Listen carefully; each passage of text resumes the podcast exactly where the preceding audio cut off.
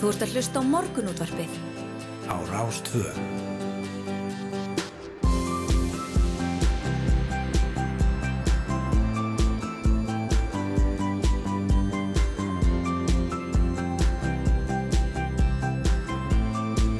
Morgunútvarpið Á Rástvö. Góðan og blessaðan daginn, morgun út að beða rástöðu heilsar eh, klukkan eh, tímundur, vanda tímundur í sjö, tæplega þó. Já, já, einmitt og við Yngvar Þór og, og Rúnar Róbersson varum hérna saman til klukkan nýju í dag. Já, og uh, nógum vera hjá okkur, við ætlum að meðlans að uh, heyra lag landsmóts hestamanna. Já, kemur óvandri átt að einhver leiti. Já, kemur, kemur óvandir á, það er að stóða að segja það. Tala við höfundin. Sem, að, sem kemur óvandir á, það er ótt að segja það. Gerum Já. það svona í lók þáttar. Eftir, eh, eftir, eftir því kemur Guðmundur Jóhansson, tæknispekulant morgun út af sins. Og það er kikið til okkar í lók þáttar eins og alltaf annan hver triðu dag. Já, já, einmitt sagfræðingurinn og reythöfundurinn Valur Gunnarsson er stattur í borginni Lviv í Úkrænu. En eins og framögu komið við að heyra vikuleg einslög frá honum um stöðuna í landinu. Í síðustu viku fjallaðan um föruna yfir landamæri Pólans. Í dag beinir hann sjónu sínum að Lviv, sögu borgarinnar, íbúum og áhrifum stríðsins á hana. E, ætlum að ég heyra þetta einslag um, um uh, hálf átta. Já, Airbnb hefur bannað allt eh, partistandi í heimahósi út leigjanda fyrir fullt og allt en þessi tímambundna laust sem kynnt var í ágúst 2020 reyndist húsarandum vel á tímum heimsfaraldus. Eh, Reglulega diltum ágæti þess að íbúðir í fjölbíli séu leiðar út til ferðamanna og kannski sérstaklega núna þegar húsnæðaskortur er, í la- er í landinu. Við eh, ætlum að ræða þær reglur sem gilda um Airbnb íbúðir og hvort aðskilett sé að breyta þeim á einn eða annan hátt Já, við eh, Pétur Martin Úrbansik Tómasson formann íbúðar á smiðborgar og hlýða. Emmett, hann kemur inn að til okkar um það byrj korter í átta. Nú og eins og fjallafurum í gerð þá hefur dómar í Kaupmannöfn úrskurðað eh, 22 ára dana sem grunnaður um mannskeiða skotarás í Vestlunarmiðstöðinni Fields á sunnudaginn í gæsluvarald til 28. júli næstkomandi. En maður verið vistar á lokaðri réttargeðdild á meðan á varðhaldinu, verð, varðhaldinu stendur. Og við ætlum að ræða máli við Alexander Gunnar Kristjánsson Hann er fréttamaður og er stattur í Kaupmannöfn Já. og ætlar að segja okkur ja, hvernig þetta snertir danst samfélag og, og svona nýjustu vendingar þessu máli. Já, og e, fyrsta spjall okkar í dag er rétt um korter 20 myndir yfir í sjö að e, þá ætlum við að huga að mótorsportunum en við höfum heyrt um torfæru, rally og kvartmilu svo einhvað sem nefnd en ringangstur, bíla og mótorhjóla Já. og drift, hvað er þetta? Motorsport á Íslandi er hvað líflegast á sömurinn kannski eðrilega en formar kvartmílu klúpsins ætlar að segja eitthvað meira þessu. Hann heitir Ingólfur Arnansson, uh, mjög þjóðleitna og hann ætlar að vera á línunni hjá okkur og við að spyrja út í starfsemin og bara svona motorsport almennt. Ég var að líta aðeins á fórsíðu bladana. Já, Eða ekki, hér á, á fórsíðu morgunplassins er uh, já, myndin af Mette Freyriksson, fórsíðsraður Danmörkur sem leggur hér blómvönd við ingang Fields á samt dónsmálur á þar landsins Mattias Tesfaye uh, og hér er rætt við Gunnar Hörð Garðarsson, samskiptastjóra ríkislauglustjóra sem segir Ísland eiga í stöðugu samtali við hinn Norrænu löndin þar sem auðvitað sé rætt hvað sé að gera að fyrirbyggja voðaverk líkt og skot árásirnar sem hafa nýla á sér stað bæði í Oslo og Kaupanöfn. Það er þó samtal sem er stærra en bara um viðbröð lauruglum og snýra samfélagsmálum eins og vopnalögjöf til dæmis bætir kunna við en vopna útköll hjá sérsveit ríkislauruglustjóra hafa aldrei verið fleiri en fyrstu sex mánu þessa árs.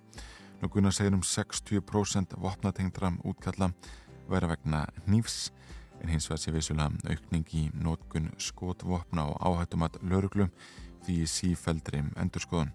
Það eru æfðar viðbraks áallanir til staðar. Já, fréttablaði segir að fórsið hér um, fyrirsögnin er undirbúa fyrstu vettnisstöðuna fyrir þungavinnu. Já, Það heilir undir nýtt skref í orkurskiptin landsmanna eftir miklu eh, að slægjast í umhverjuslegu tilliti en Íslenskt fyrirtæki hefur gert fjármögnunarsamning við Þískan innviðasjóð í umsjón Prime Capital AG um uppbyggingu vetninsinnviða hér á landi. Um stóra fjárfestingu er að ræða, samkvæmt heimildum fréttablasins og uh, þetta kemur náttúrulega kjálfara fréttum í gærum að fyrsta uh, ramagsflugvilin já er að leiði notkun hér. nákvæmlega. Eh, Það er einmitt rætt um það hér á, á annars síðu morgublasins að þessi fyrsta ramarsflugvel hefur fengið flughæfis skýrtinni og, og mun senn hefja flugið og segir í tilkynningu að um sér eða mikilvæg tímamóti í íslenski flugsögu. Félagið Rammagsflug EHF flutti vilna til landsins með það markmið að taka frumkvæði í orkuskiptum í flugi, þjálfa starfsfólki þessari nýju tækni og kynna hanna fyrir landsmönnum. Já. Þetta er framtíðin. Þetta er Mm. framtíðin, já, já, já, já. Nú, uh, síðan uh, í fréttablaðum dag segir af uh, heimstektum stjörnum, leikurum og, og korubólta sénjum í, í Drangei. Já, Heimsfæra í korubóltakapinni Lebron James var stættur í Íslandadögunum og hér á landi heimsáttan til að mynda Drangei í Skagafyrði á samt fríðu förnetti og í, í þessu förnetti var uh, skíðadrottningin Lindsey Vonn og leikonum Rebel Wilson já, já, já. og það talað við Viggo Jónsson hjá Drangeiferðum og hann segir eh, þetta var svona hákarlaferð Já, stóri kúnar akkurat, akkurat. það er ótt að segja það.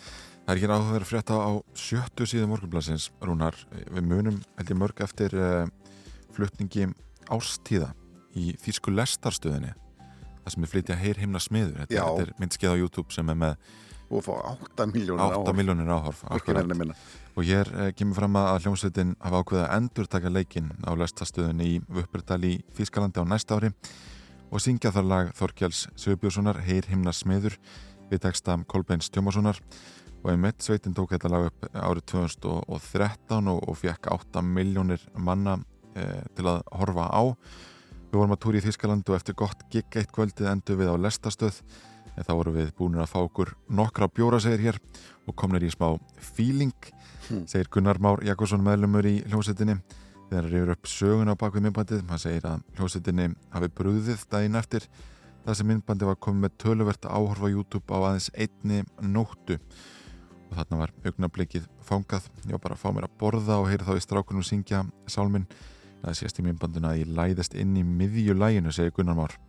En ástíður alltaf að endur taka þetta og, og þetta er nú kannski ekki í bestu gæðunum nefnilega. Nei, þetta er tekið upp 2013 en það voru gott að fá þetta í betri gæðum. Ég betri að þeim, já, en tilefnið er eh, að þetta fór á flög aftur núna, er Já. náttúrulega að þetta lag var notað í, í bandarískan sjónvastátt og vakti aðtikli á því aftur að, hérna, að eh, menn vilja segja, meina að eh, þetta myndband hafi orðið til þess að lagið kom svona á ratarinn hjá þeim sem velja tónlist í Já, já, já, einmitt, maður svo hvað þáttur þetta er? Nei, ég, ég, ég er alveg stóluð mér Já, við erum að reyða það upp. Já. Akkurat. Reyfum það upp. Nú, uh, frettablaðið segir frá því að uh, bannmætt einmannaleiki breyðist út en uh, vannmátt þegar vannmáttur breytist í reyður getur tímamundin valdefling skapað hættu fyrir aðra. Sálfræðingur segir áriðsuna í Kaupanöfn vonandi stakt tilvik en að ekki sé hægt að útlulega smitun áru frá fjöldamorðum í bandarækjunum. Já, Þetta er einmitt á að gefni. já, já, þetta er ágefnum Við fyrir nú að skipta bráðlega yfir e, á fréttastofuna, fá þar e, það sem gerðist í, í nótt og, og sendi í gær síðan ætlum við að fara betur yfir já, veður og færð og, og annað slíkt það er rétt að gera það núna þegar mörg er að sigla inn í sumafríð Já, já, já, sumin að leggja stað eitthvað út á Já, land núna og annars líkt þar er maður að taka þólumæðina með sér framkvæmd á, á, á Já. vegum bæði innan e, höfuborgarsvæðisins og utan þess. E, það er verið að gera við e, vegi sem hafa farið illa út í, í, í vetur Já, já. og undafarna vetur bara sveimi þá. Já, já, það er einhvern veginn þannig að á vetundaköllu eftir innvið uppbyggingu á sumrin trublar þetta okkur. En fréttir framöndan þar koma á eh, slæginu klukkan eh, sjö. En eh, fyrst er stutt skilabóð Þú ert að hlusta á morgunútvarpið. á Rástvö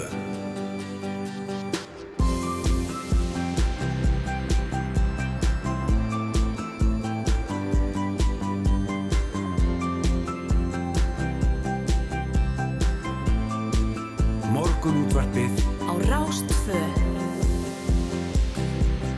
Jú, jú, morgun út að byggðbýður, góðan dag þriðudaginn 5. júli, það er Yngvar Þór og Rúna Róbersson sem sitja hérna með ykkur alveg til klukkan nýju í dag með Sneísavillan þátt. Já, heldur betur við ætlum að uh, tala við formann kvartminni klúpsins hér á eftir hann að segja ykkur aðeins af starfseminni og mótorsporti svona almennt uh, í, í kvassa, í hérna kapillurhraunni. Einmitt, Mér langar, mér langar alltaf að segja kvassarhraun einhvern veginn en, já, já, en hérna þetta er kapillurhraun. Einmitt. Eh, Valur Gunnarsson, sakfræðingur og reytuhundur er stattur í borginni Lviv í Úkrænu og eh, við ætlum að halda áfram að heyra vikuleg einslög frá honum um stöðuna í landinu. Í síðustu ykkur fjallanum fyrir nefið yfir landamæri Pólans en í dag byrjar sjónu sínum að þessari sögufræðu borg Lviv eh, fastegna braski í borginni núna þegar Úkrænubúar er, er að flýja þangað yfir um, íbúum og, og áhrifum strísins almennt á borginna. Já. Sýnum ætlum að fjalla þessum Airbnb sem hefur bannað allt partístand. Við ætlum að, að ræða við Alexander Gunnarsson sem er, já Alexander Gunnar Kristjánsson segi, fréttamann sem statur er í Kaupanöfnum, stuðumóla þar. Já, og svo verður höfundur lags eh, landsmót hestamanna á línunni okkur upp úr hálf nýju og höfundurinn eh, kemur úr óvandri átt, er þetta að já, segja. Já, það er rétt að renna yfir veður og færð núna e, þegar mörgur er leggja á stað í, í ferðalæðið Það er útlitt fyrir breytilega 8 á landin í dag við að skara bylunu 3 til 8, 8 metrar á sekundu. Nú norðanátt hefur hrellt íbúa í norð-austur fjórðungi landsins undanferðið og leifar af henni lifa enn úti við ströndina. Norðvestan strekkingur þar þanga til síðdeis. Nú skíða mest á landin en þurftakalla og úrkomisvæði nálgast úr suðvestri og nær inn á sunnavert landið og því maður búast við súld eða regningu á þeim slóðum síðdeis. Nú hitt á bylunu 10 til 15 steg algengur en heldur svalara þó norð-austalan segir hér í hugleggingum viðfræks. Já, og ef maður við tökum það einn saman fyrir viður hórur á höfuborgarsvæðinu eh, hæg austanátt og skíjað daldi rigning setnipartin, hægviðri og þurftakalla morgun, gengur í sögustanátt til 13 ána kvöld með rigningu og hitti verður á bylinu 8 til 13 steg og, og líka viður hórur á landinu næstu daga, það er stuttalega gott söðvestlagátt og mildt viður rigning öðru hverju en úrkomi lítið austanlands. Við viljum nú hafa sóluna en, en hérna þó að bleiti nú aðeins já, í fyrir gróðurinn Það er nú bara góðulagi held ég Er ekki ningin eins og fallega á sömurinn? Já, eða ekki bara? Jú, við slúmum sjá, sjá jákvæða punktin í svo öllu saman. Og uh, svo er það vegagerðin eh, það eru verið að segja frá eh, frangvandum náttúrulega. Það er verið að, að, malbygga hér og malbygga þar og fræsa og annars lít og, og reyna að gera gödurnar vegina og vegina þólanlegri og eh, ég myndi að hósa þeim sem að tóku hérna brekkuna hérna við öskjulíðina frá valseimilinu og upp. Já. þar var svo akalegar hólur. Fyrir þar í morgun og það er búið að malbygga þetta allt úa fínt og, og allt annað að kera þetta, bara, bara sem dæmi. Já. og þetta sjá yfirlitum þetta inn á vegagerðarinnar. Það er mikið steinkast á borgarferðavegi eh, nú 94, það er vantar að borgarferða Eistreitur á Östurlandi en eh, mælti með að fólk fari Róarstunguveg og Lagarfossveg. Mm. og eh, já, mikið steinkast. Mikið steinkast eh, vegna klæðningar eh, í skaftafelli líka. Þannig að hafið þetta í huga við þeirra á ferða þessum eh, slóðum. Já, já, og ágæta að heimsækja öfsið veðagerðarinnar, að þeirra haldir á staði í lengri ferðalög og, og, og síðan eru þau virka, allt er að kerfi virkan einhvern veginn þannig að þetta eru tvittarvæslur en Já. það er líka að fylgja þeim þar og, og fá alltaf nýjasta. Já, algjörlega. En fyrsta lag dagsins hjá okkur eiga stuðmenn og fjalla hér um komu Beatlesins Ringo Starr til hansins sem hann spilaði með þeim í Allavík forðum daga. Og þetta er Ringur og Beatlageslumennin Þetta er skemmtilegt. Halló. Halló.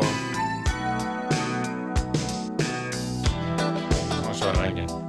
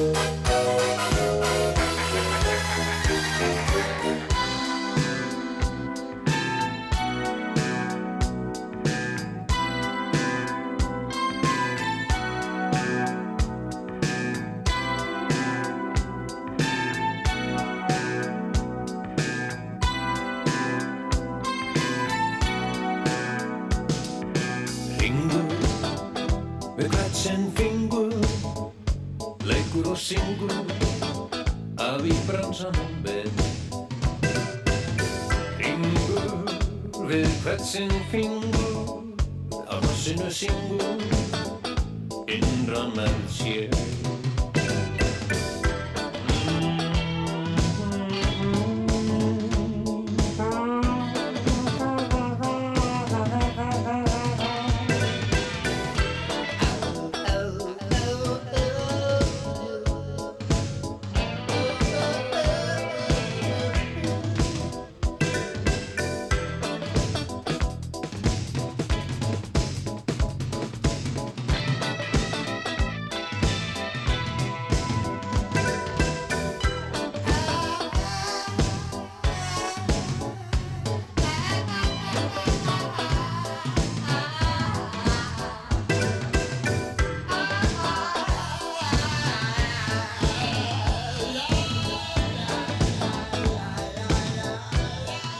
Skemmtilegt sem að eh, sungir hann um hann landi þétt á Lúðvíkinn.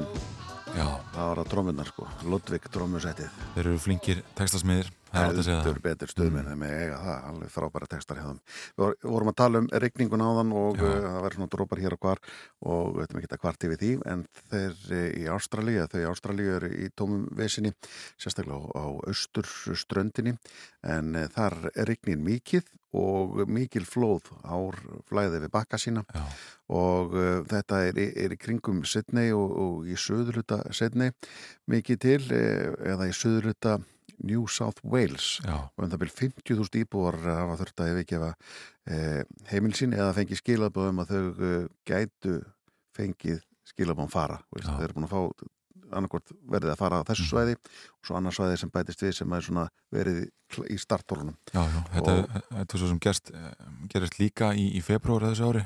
Já, Já, á þessu sama svæði, úrhellisregning og, og, og mannskaða flóð. Já, og þetta verðist vera einhvern veginn hérna, já, gerast of oft þarna. já, það verist þeirra og, nú búið að lýsa yfir neyðar ástandi þarna til þess að allrikið komið þá þarna inn og, og, og, hjálpi til, eh, greiði fyrir björgunarstörf og annars líkt en, en eh, rigningin sem að hefur verið að tala um þarna að það, það er ekkit smáraði eh, á 6 klukkutíma tífambili í, í dag getur að fyrir um 90 millimetrum. Já, þetta er ekki smáraði og gæti, gæti sumstað að fara upp í 125 millimetra. Já, það er erfitt að, að ímyndi sér Já. svona mikla regninga einhvern veginn. já. Og, og, og svo er háa rók líka Já, sem fylgir þessu á einhverjum stöðum. Að, hérna, þetta eru fréttir að eh, frá Ástralíu. Já, síðan má nú alveg geta þess að fyrst við erum að tala um, um, um uh, já, önnur Eiriki, þá er rúsneskum skipum og, og flegjum með tengsl við Rúsland verður frá með deginum í dag, 5. júli óheimilt að leggja það bryggju í færiðum, það fjalla um þetta hér á, á vef rúf, en rúsnesk fiskveði skip eru þó undan þegin banninu, þau eru náttúrulega þarna í, í, talsverður magni. Mm. það er eh, kringvarpið sem fjallar um málið og landstjórnin gáð tilskipun varðandi viðskipta þvinganir gagvart Rúslandi núna í lok síðasta mánuðar en hafn bann er meðal þeirra aðgerða sem gripið verður til en ekkert rúsnest skip sem selt eh, hefur undir öðrum fána eftir 24. februar má leggja að landi og auk fiski skipa mega rúsnesk för sem lendi í vandraðum vissulega leggjast að landi í færium en eh, almennt mega núna rúsnesk skip og, flei með einhver tengslu Rúslandi ekki, ekki leggja bryggju í, í færium Já. Uh, ég sé einna að við kíkjum aðeins á uh, heim frægafólksins Já, að uh, þá voru þau Sharon og Ossi Osborn að, að halda upp á uh, 40 ára sambandsamali já, já, þannig að hérna hún var 18 ára gömul þegar hún giftist honum 1982 á Hawaii. Já. Og þau voru að fagna því núna sérstatt ár segja þau. Þetta gerist nú ekkert oft í, í þessum Hollywood heimi að- sambund endist þú sann lengi. Nei, það virðist vera. Bara alls ekki. Nei, en, en þau, eh, þau eru það, það, þau eru allavega búin að ná þessum áfanga. Já, já, hmm. já, já. Já, já, já, já. Og eh, meira í, í, í blöðum dagsins eða, eða, eða hérna, fréttamiðlum, eh, til dæmis segir hér af, af úr dag, dagbók lauruglu fyrir yfir, nóttina, en nú lauruglan á höfbrukarsvæðinu var köllu til á veitingastæði miðbænum í nótt vegna viðskiptavinar sem hótaði starfsfólki og neita að yfirgefa veitingastæðin og eh, þegar komið voru vettang taldi lögregla nokkuð ljóst að viðkomandi hefði innbyrt talsvert magna af áfengi og var sérlega ósáttur við spilakassa sem átti að hafa haft á honum talsverða fjármunni. Já, já, Og hann var vísað út af veitingastannum af. Já, það er gott að vera ósáttur við maskinuna, við vélina sem átti að spila við. Beina reyðinni að, henni. Taldum ósætið, þá hefur maður eh, sko, mikið tekið eftir því núna á samfélagsmiðlurunar e, með þetta strætómál sem byrtist í gær. Þá staðarinda að tveir af sex fulltrúum í stjórn strætó nota strætó reglulega. Fjórir af, af sex í stjórninni nota strætó lítið sem ekkert. Já. Og notendur uh, vitaskuld kannski ósáttuð þetta. E, stjórn strætó er skipið einu fulltrú frá hverju aðildar sveitafélagi. Reykjavík, Kópavogi, Hafnarfyrði, Garðabæ, Mósesbæ og Seldjarnissi. En sætið í stjórn strætó er eitt þeirra embæta sem já, ný kjörna sveitastjórnir á höfuborgarsvæðinu skipa í og það var fréttastofur úr sem lagði sömu spurningar um strætó og nótkun fyrir alla stjórnarmenn í, í nýri stjórn strætó. Og það var Alessandra Brím og, og Andri Steinn, ja, Píratinn og, og, og hérna og sjálfstæðismæðurinn og Kópavogi sem eru að nota strætó reglulega. E, aðrir virðast nota strætó minna. Já, það er bara, þetta er, svona er kannski þverskurðurinn líka. Já, já. Hérna, þetta er svona aukast smá saman en ekki nógu mikið. Já. Uh, ef maður sé tölur í gegnum tíðina þá hefur nótkunn á strætó ekki aukist eftir Nei, nei. vannst þetta færi, færi yfir meira. Hveit fólk er að nota strætó og ef það mögulega getur, það er bara þægilegu ferðamáti. Já, já, Mjög einmitt, einmitt. En hér á ettir fyrst erum við farin að ræða stræta og það eru risa stóri bílar, ætlum að ræða Já. litla bíla og móturhjól og eitthvað eh, meira til hér eftir smástundu við ringjum í Ingól Varnarsson formann kvartminuklúpsins en eh, fyrst er það svafni sig. Komundir að hausti, hann fættist um vor Honum var ætlað að fylla þau spór Sem pappi gamli hafði tróðið hér áður. Í áttunni var hann svo svalur og klár Með uppbrettar ermar og ótrúlegt hár. Smáræðis kók og spýt en varð aldrei háður. Og er hann orðin allt og gamall fyrir þetta shit? Orðin allt og gamall fyrir þetta og hitt? Orðin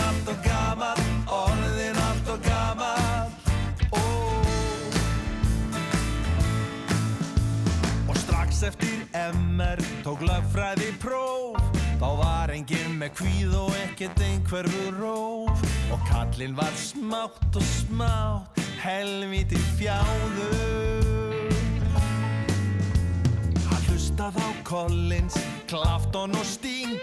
En tískan hún fegur ekki alltaf í hring. Á þetta rap getur enginn hlustað alls gáður Hann orðin allt og gamall fyrir þetta shit. Orðin allt og gamall fyrir þetta og hitt Orðin allt og gamall, orðin allt og gamall. Oh.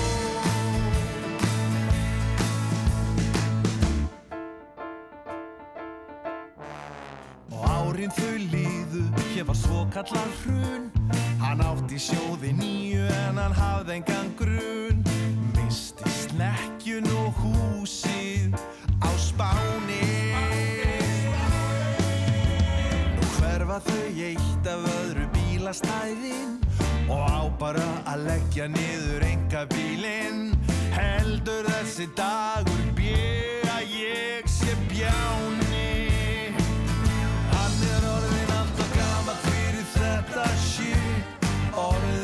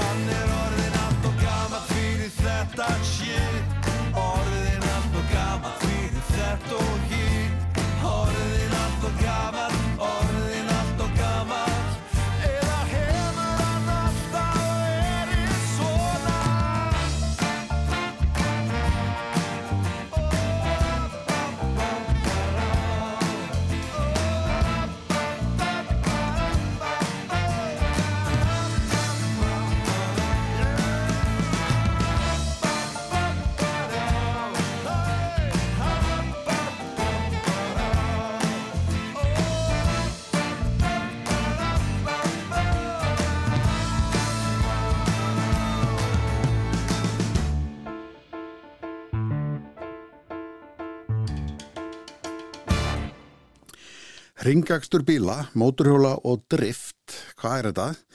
Kvartminu klúpurinn stendur fyrir þessu en formar hans er Ingólfur Arnarsson, hann er á línunni, er, er, er starfseminni okkur svolítið lífleg þessa dagana? Já, já, það má segja að sé mikið að gera stjórna flesta daga hjá okkur.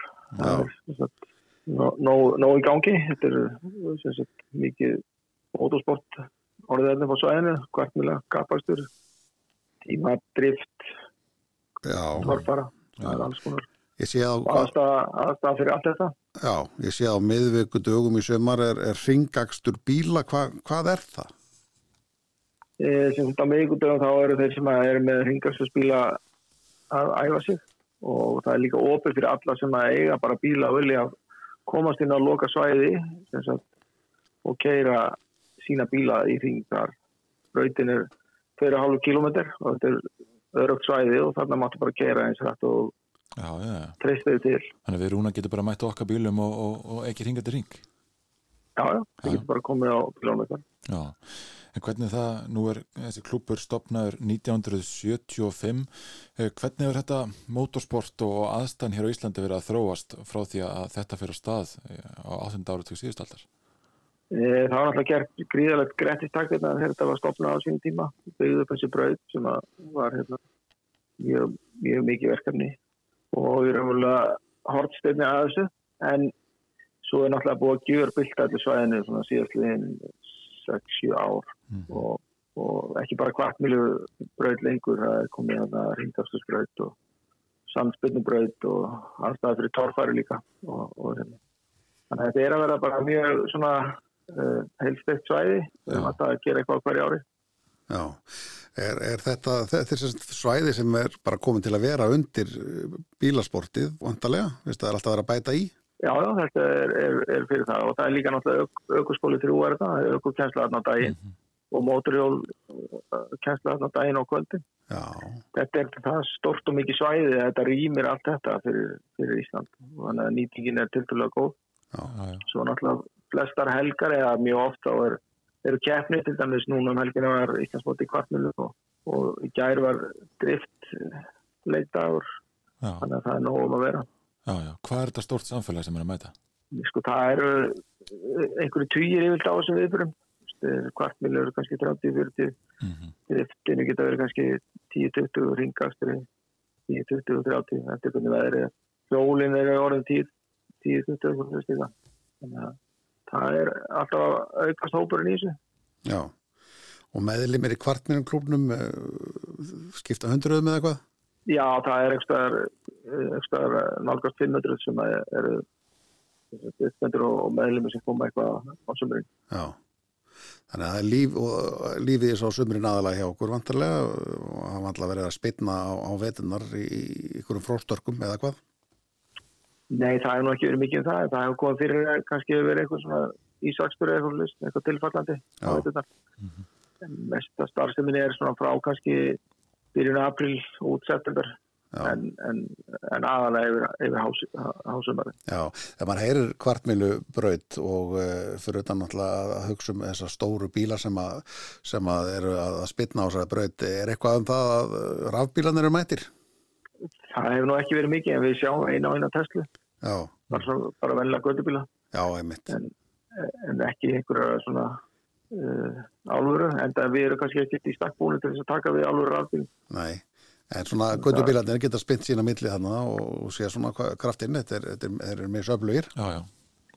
Já, já, við erum með flokka hérna, sem sagt, fyrir flesta tegundir göttubíla og, og þetta eru svona flokka sem eru kerið þannig að þeir eru kerið á föstum tíma. Til dæmis eins og 1290, þú verður bara að vera á 1290 og það ekki fara undir það, þá tapar þetta er svona til að jafna og menn getur bara verið á sínu bílum og, og, og sínu forsendum. Já. Og er ekkert mála að mæti maður bara að maður ætlar að vera að prófa bílinn sinni eða þarf að hafa samband einhvert, hvernig, hvernig snýð maður sér í því? þú getur bara farið inn á sagt, uh, síðuna hjá kvartmjöglöfnum og skráðið þar og svo getur farið inn á hjá Aki sem þú vil skráðið í keppni. Já, einmitt. Þannig að þetta er svona mjög auðvelt aðgengi. Við erum bæði á Facebook, sem sagt, kvartmjöglöfurinn og, og hérna. Svo á netinu bara, er keft í, að þú nefndir þann torfaruna áðan, er, er keft kettinsbreytarna eða er þetta bara æfingarsvæði? Neini, það er alveg mjög fín keppnisbreytarna við keftum í fyrra, hitti fyrra en það fjall niður keppnin í vor sem átt að vera Já. En þú veist er komið alveg alveg torfaru aftur svæði hérna í bara hjarta reykjagur hafnaðurinn þetta er framtíða svæði þess að geta verið í öllu mótorsporti hérna bara algjörlega innan bæja næstu Já, einmitt. Og, og, og í dag, þriði dag það, þá er eitthvað ringakstur hvað, móturhjólaðið ekki og svo á miðugundum er, er það bílanir Já, það er semst að þriði dagum eru móturhjól og miðugundum eru bílanir Já. og annarkvæmt fymtu dag eru semst að uh, drift Já. og svo erum við með sérst að dagatal sem er svona á lögadöfum fyrir æfingar í kvartmílu það þurfa kannski svona lengri tíma. Menn sem eru konum með mjög öllu tæki þeir kannski ná kannski bara fara tvær, þrjár, fjóra ferðir yfir daginn. Þannig að það eru sem sagt askrá með lögatastengur fyrir kvartmilina Já, það er nóg um að vera. Já, já, nóg að gera. Líf, líf og fjör í kvassarhrauninu nei, er kapillarhrauninu segir þið eru kapillarhrauninu, ekki rétt? Já, já, einmitt Þetta er gaman að þessu. Takk fyrir að spjalla við okkur og segja okkur aðeins að þessu. Ingólu Arnarsson, formáður kvartmíljuklúpsins. Já, takk fyrir. Það er góðan dag.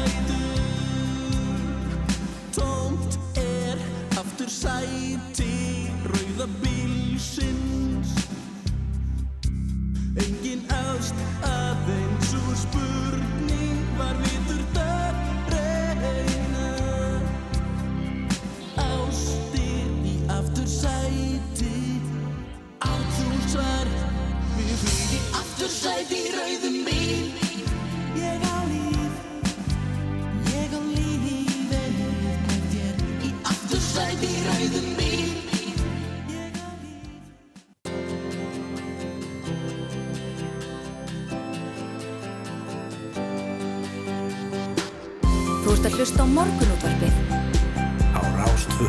Haldum áfram í morgunútarpinu klukkan í áorðin halv átta og uh, við setnið að segni í, í að koma sér út í, í, í vinnu eða eitthvað slíkt, þá bara veistu að því að hún er orðin halv átta. Hún er orðin halv átta, frétta yfirleita að baki og morgunútarpið heldur hér áfram. En sakfræðingurinn og reythöfundurinn Valur Gunnarsson er nú stattur í borginni Lviv í Úkrænu. En eins og fram hefur komið alltaf að hýra vikuleg einslög frá honum um stöðuna í landinu. Í síðustu viku fjallaðan um föruna yfir landamæri Póllands en í dag beinir hann sjónu sínum að Lviv þessari sögufræðaborg.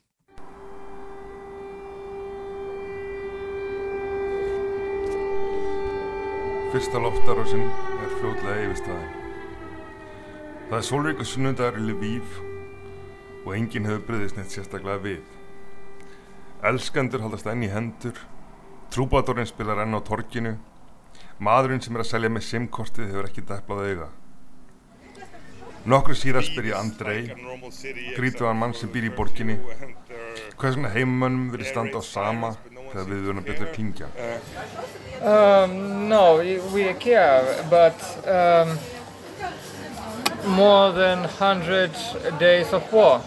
Yeah, so- and we try to build our lives in this situation because uh, to save Ukraine, we must walk, we must live, we must do what we can do. Auðvitað stendur okkur til sama.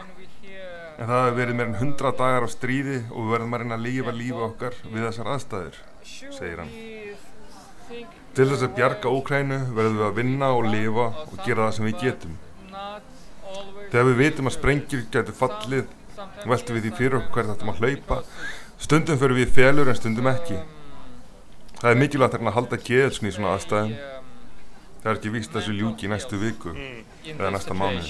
Not panic uh, when we hear that bomb can uh, beat us. So, of course, we think about our safe, about our lives, but we also think what should we do in this in this situation because it's not stop next week or, ne or next month. Í Lviv heldur lífið áfram.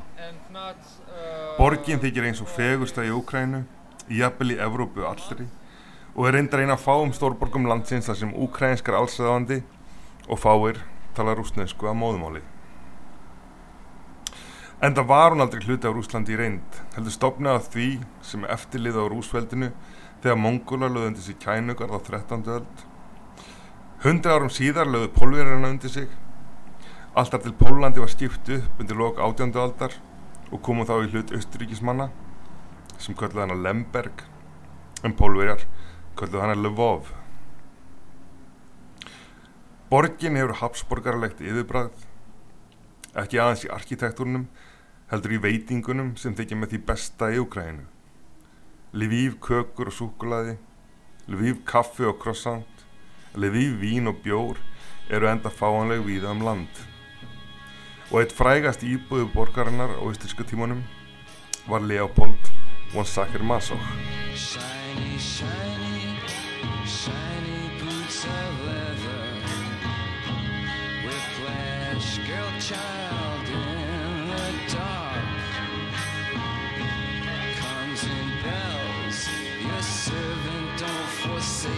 him Strive, dear mistress, and cure his heart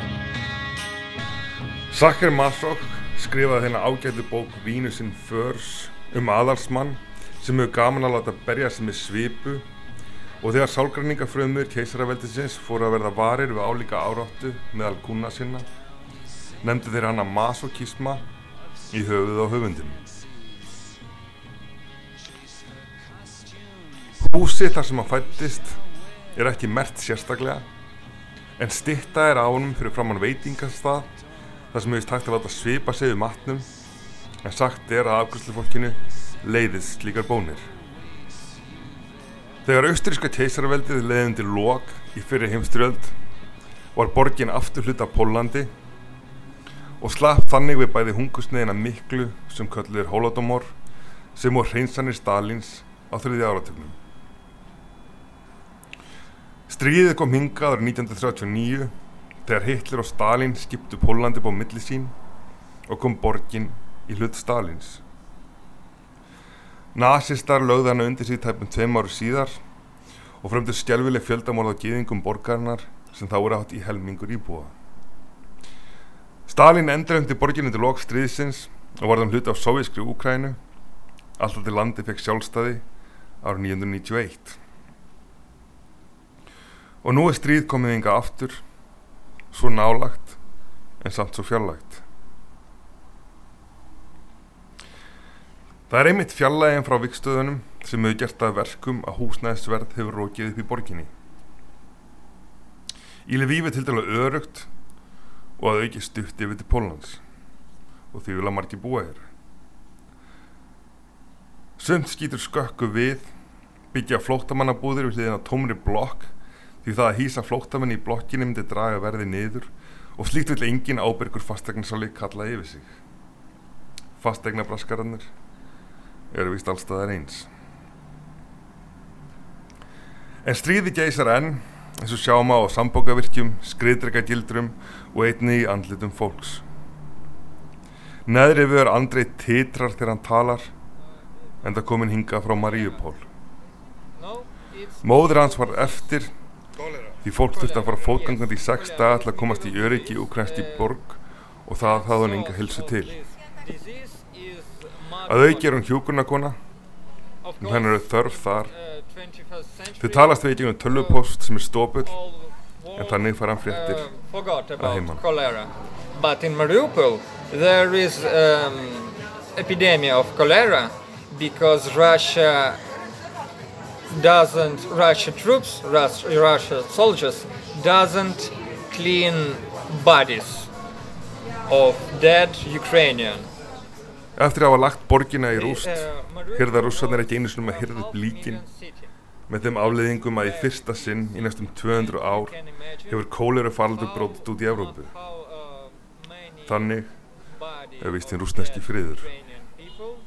Sjálfur þarf Andrei ekki að ganga í herin, en það er hann einbyrni og að auki föðulegs. Ef hann fjalli ætti móðurinn engan eftir. Allt hljómar þetta dáliti í anda Saving Private Ryan, en Andrei er ekki svo mikil undantekning. Hann starfaði við að skrifa auglýsingateksta fyrir fatasölu fyrirtæki og þannig þátt ég halda efnahagnum gangandi.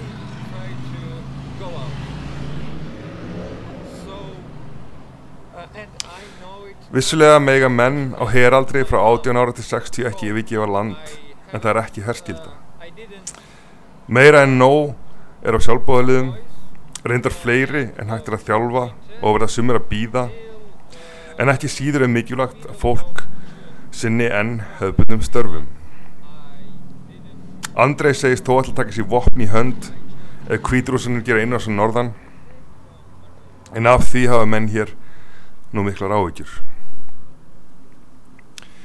Sjálfbóðaliðana drýfur víðar að fyrir utan hosteli kynist í breyta sem er í georgísku legjóninni einni útlendingahersveita. Hann er þreytulegur að sjá og segir þetta ekkert minna sig á reynslu sína í Írak. Hér snúist þetta aðalega um stórskotalið. Er það vegna þessi Írak höfðu þið yfirbyrdi en hér eru það hinnir, spyr ég. Einmitt, svarar hann.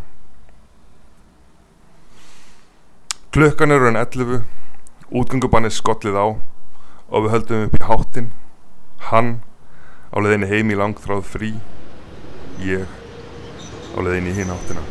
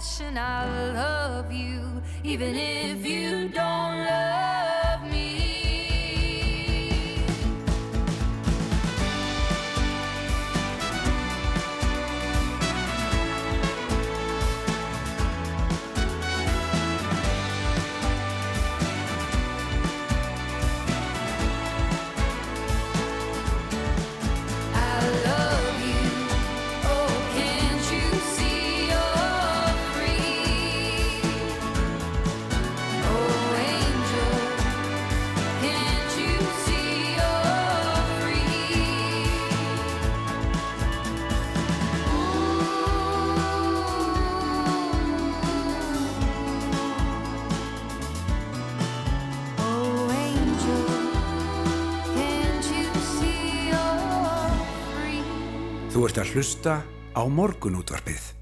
Á Rás 2. Það held ég og við tölum hér áðan um uh, flóði Ástralíu Já. og uh, svo sem að frétti frá Ítalið að vesti þurkur sem hefur sést í 70 ár. Einmitt. Það er miskipt gæðanum. Miklir hittar núna í, í Európu. Já, heldur betur. En uh, taldum um Ítalíu og, og möguleg ferðalög og fleira slíkt. Þá hefur Airbnb bannað allt partistandi í heimahúsi um útlegenda fyrir fullt og allt. Eða þessi tímabundna löst sem kynnt var í ágúst árið 2020 reyndist húsræðandum vel á tímum heimsfaraldurs. En það er reglulega deilt um ágæti þess að íbúður í fjölbíli séu legðar út til ferðamanna og kannski sérstaklega núna í húsnæðis skorti og e, við ætlum núna að ræða þessar reglur sem gilda um þessar íbúður og, og já, kannski hvort að skildi sé að breyta þeim á einn áttið annan. Pétur Martin Úrbansik Tómasson, formar íbúður ás miðborgar og hlýðar hinga komin, góðan daginn. Góðan dag. Hefur algjör lögleisa ríkt um Airbnb? Löguleisa og ekki löguleisa uh, veist, það er náttúrulega skipta skoðan hvernig það er og hvernig það er að vera en, en það voru sett uh, lög 2016 Já. svo kallu Airbnb lög, það heita það ekki formlega en, en er svona kallu það í daglegu tali og þar var sagt uh, heimagisting uh, skilgreind í lögum Já. og það er þá eða meðan alltaf Airbnb og kannski sérstaklega í miðborgum uh, eða miðborgin í Reykjavík. Það er sérst núna máttu bara vera með 90 daga á hverju ári uh, í útlegu uh, og leigutekinnar með ekki fara yfir 2 miljón krónur. Uh, og þú getur verið tvær fastegnir skráðar sagt, í þessu kerfi og þetta skráða þetta hjá síslumanni þetta er í raun þessum, þessi lögfél í sér. Þannig að lögleis og ekki lögleisa það er Já. til lög. Kent við Airbnb. En uh, þeir mætti vissulega breyta kannski veitna þannig hátt. Já, en, en þetta eru 90 dagar og, og 2 miljonir eh, ef þetta er íbúð sem er alfarið bara í útlegu þarf þá að vera langtíma að leiga restin af árinu? Uh, sko, annarkvort það eða þá að ef þú ætlar að vera með þetta í uh, eitthvað svona Airbnb formi þá einfallega er þetta orðið atvinnhúsnaði Mhm. þá þarf þetta að fá rekstrarleifi fyrir því og, og það er minn flóknar ferli þannig að uh, þetta er í raun sett aldrei til að taka á þessu uh, segjum bara markaðspresti sem, að- sem að varði hérna í, í túristasprengjunni svona þegar að eh, það sem Dagur B. kalla ekkert krút tímabil Airbnb Já. kláraðist Já. uh, og, og tók við bara svona massa sko atvinnustarfsemi í þessum bransa Já, en ef þú þart atvinnuleifi eða svona atvinnustarfsemi leifi fyrir, fyrir atvinnustarfsemi er eitthvað um það að, að það sé í gangi í, í til dæmis fjölbýlisúsum inn á meðal bara vennilega íbúa? Um, ég þekki það ekki alveg hvort að sem sagt, það hafi verið veitt rekstrarleifi Mm. uh, en ég veit allavega að Reykjavíkuborg hefur verið að reyna að draga úr þessu uh, og vann sko dómsmál fyrir landsrétti, að hér stómi og síðan landsrétti líka. Það sem að var daldið deilt um þetta því að uh, Reykjavíkuborg setti í aðalskipula hjá sér að það væri óheimilt að breyta starfsemi uh, úr skrifstofhúsnæði eða íbárhúsnæði eða eitthvað slíkt í nýja gististarfsemi Mm. uh, semst innan ákveðna svæða í miðbo- miðborginni oft kalluð kvosarreglan Mhm. uh, en hún er svo sem aðeins út fyrir kvosana uh, og það er núna bara heimilt að gera nýja, nýja gistaðastöðu sem hlutfall nýrar uppbyggingar en ekki að breyta ykkur Já. gömlu í, uh, í þetta og, og það var sagt uh, farið í mál við borgin út af þessu þar sem að var aðeins með sem ætlaði að gera sko Airbnb í raun bara hús með Airbnb sko, Já, svona já. í, í borgistingu og uh, og fekk það ekki Nei, Reykjavíkborg saði í raun sko þetta samanlýmist ekki okkar stefnumörkun uh, við viljum reyna að dreifa daldið uh, þessum íbúðum sko Mhm. uh, og vann málið þess að og Já. þetta er raun staðfestaldið að skipulagsvaldið er mjög stert uh, hjá sveitafélögum til að stýra svona starfsemi. Já, já. Já, en ef það er að dreifa þessu eh, ef viðkomandi vildi fá þetta allt á eitt stað bara allt húsið væri undir þessu Já. þá er minni trublanir hjá þeir sem búa í næsta stegagangi til að mynda Vissulega sko og hérna þetta er alltaf alltaf dálítið dans Já. og það hefur myndi verið sagt sko einhverju segja að það sé alltaf mikið á hótelum í miðbænum Mm. mótið kemur að einhverju segja að það sé of lítið á hótelum því að það er auglustlega svo mikil eftirspurð sko Já. að, að menna, stór hlutföll sem er að gatna eru Airbnb íbúðir Já, já, einmitt. menn vantar þá bara ekki fleiri hótel sko Já, já. En það er fólk talar um það að ferða fólk sem einhvern veginn að sópa að sér öllum íbúðunum þá það kannski ekkit, ekkit alveg rétt það er verið að stýra þessu á einn átt eðan Já, það er verið að stýra þessu, ég menna það er samt alveg uh, ég menna ég ætlum svelti fyrir mér með þessi Airbnb lög uh, ég menna það er, má vera með tvær fastegnir sko skráða á haus sko í, í Mhm. heimagistingu.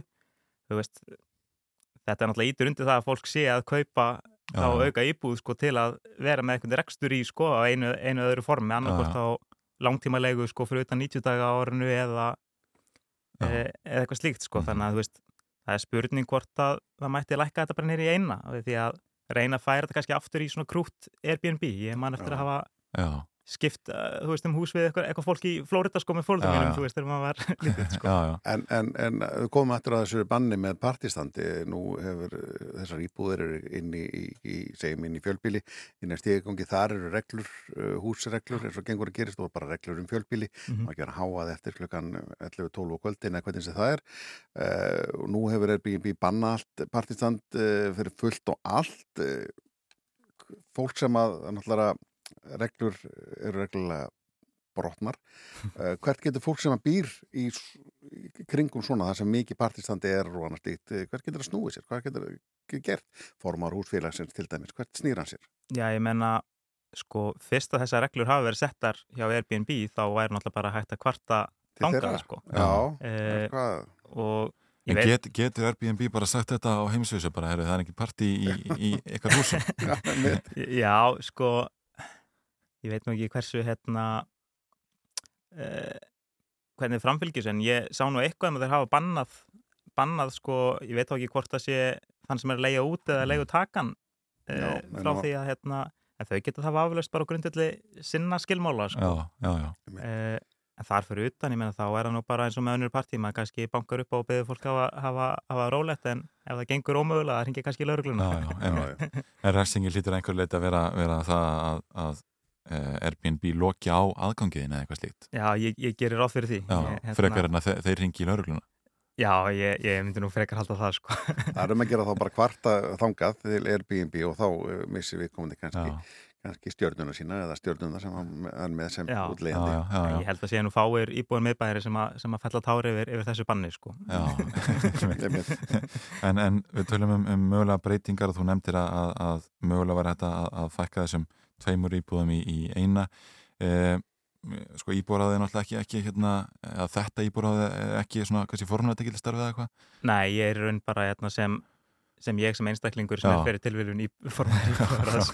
Það hefur ekki verið full skipað og við höfum ekki rætt þessi mál. Nei, nei, Hérna, einmitt, Ekki einmitt. halda okkar fyrsta fund. Nei, en, en blasir við svona að þínum að það þurfa að gera einhver svona frekari breytingar er, er óanægjan það mikil að bregðast fyrir við?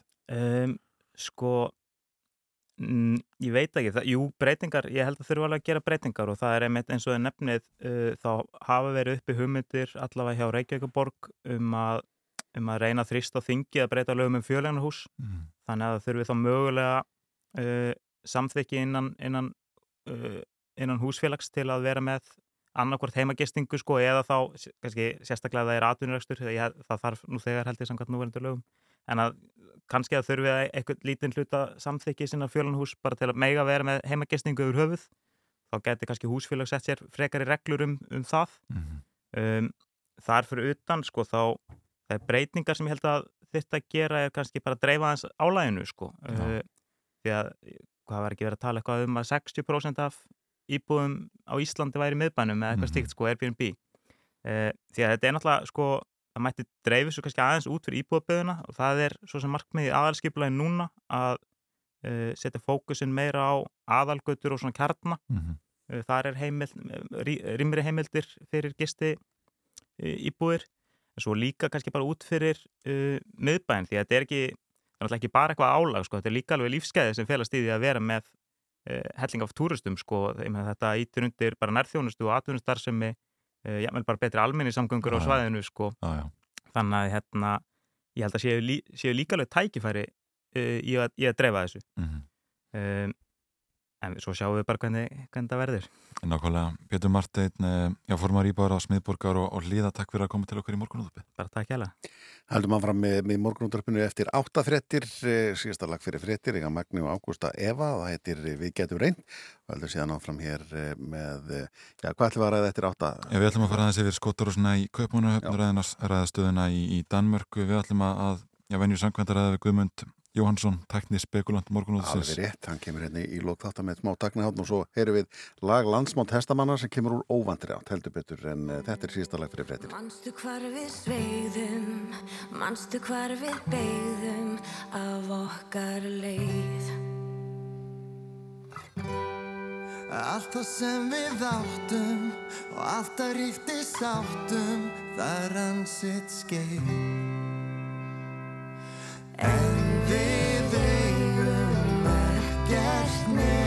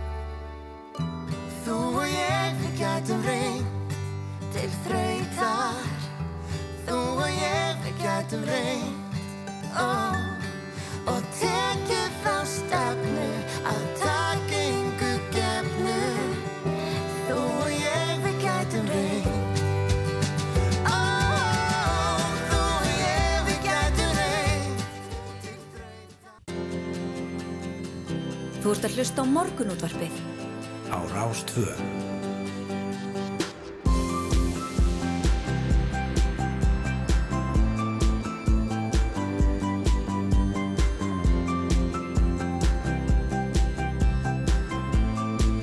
Morgunútvarpið á Rástvö. Áfram höldum við í morgun útarpinu og uh, með þeirra vaktir í dag Rúna Róbertsson og Yngvar Þór Björnsson. Jú, jú, eh, það er kannski rétt að eh, já, fyrir þau sem eru á, leiðinni út um dyrnar núna að líta örstu til veðurs. Veður horfur samkvæmt spá veðurstof Íslands er útlitt fyrir breytilega átt 3-8 metra á sekundum en norðvestan 8 til 13 fram yfir hátegi við norðausturströndina. Skíða mest og þurft að kalla en hiti á bylunu 10 til 15 stig. Heldur svalara norðaustalans en úrkomusvæði nálgast úr söðvestri sem næri ná sunnavert landið og búast má við súldiða rigningu á þeim slóðum eh, síðdeis. Það var svona svalar en verið hefur kannski þegar við lögum að stað í morgun við tver til vinnu allavega. Já. En eh, Allt í góðu samt. Allt í góðu, já. Það var, það var ekki mikil vindur og, og, eh, og svona hérna, við höfum bara gott á úðunum, Já, ekki? það, jú, jú. Eh, kíkjum að svo vegagerðina en, en hérna það voru mikið fréttum í gerð mikla tafir í kringum uh, Kauptún og. IKEA og Costco og þar vegna einmitt vinnu við uh, vegagerð var að laga hérna og malbygga og eitthvað slíkt uh, eitthvað það voru bara fræsa Já, já. Uh, þá vorum að gera kíkin á vegagerðarinnar uh, til að uh, svona, að maður getur undirbúið sig til að mynda í kvöld frá klukkan sjö og til sjö í fyrramúli sem í alla nótt verður stemt á því að fræsa og malbygga báðar akrinar á bústæðivegi í norðvestur átt. Veginum verður lokað og hámarsæði lækkað fram hjá framkvæmda svæðinu, hafði þetta í, í, huga og uh, svo er það uh, í, í nótti líka það voru vegna vinnu við leiðaram á búistu trublun á umferð í Kollafyrði í nótt og næstu nætur frá miðnætti til sjö á mótana, það er fann að vinna þetta á nóttinni Já. annar að sjá það að hérna, það er svona eða mögulega hægt að, að, að uh, trubla ekki umferð Mhm. með, með vegavinnum Já, það er náttúrulega skilagt Já, ég sá Við þetta, sá þetta nokkrum árum í á Flórida Já. en það var náttúrulega út af hita. Já, já, auðvitað, auðvitað, já, já. Svona er það. Það við þurfum vist ekki að gera það hér vegna hýta en, en mögulega til að minka trublanir Já. Eh, eins og við herðum hér í, í áttafréttum þá kom upp eldur í kísilversmiðum Elkem á grundartanga um tvölitið í nótt. Já. en enginn slasaðist en allt tiltækt slökkvilið Akranes og Kvalfjara sveitar var kallað út Fórstjóri Elkem sagði hérna í áttafréttum að, að með, stöðva þurfi einn opn af þremur í viku og meðan á viðgerð stendur. Það er, það er mikill kostnæður Það er talsverð kostnaður í því en, en uh, Jens Eðar Ragnarsson segir hérna, hann er slökkulistjórið þarna hann segir í samtali við fréttastofu að það hafi farið betur en á horðist í, í fyrstu þegar starfsmenn uh, Elkjum voru búin að ráða niðurlugum eldsins að mestu.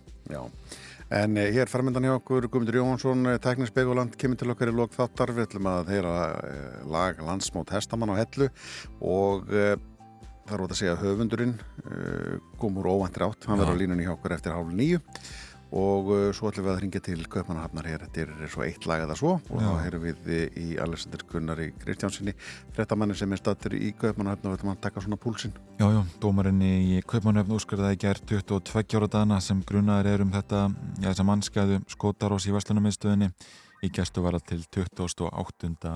júli næstkomandi. Já, en uh, þá varum við hringjum til Kaupmannahafnar, þá er hér Hjaltalín It's morning and we're blue. Cause what happened all night through was made for me and you, and now it's gone. There's a certain kind of love that will show us the way. So when your lips meet mine, I know I'll ask. Will you take me just this time? I know I'll find.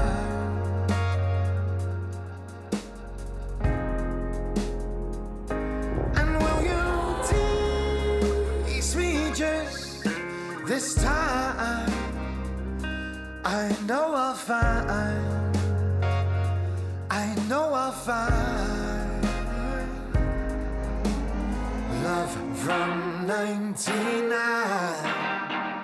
We got the feeling right in time, drifted by.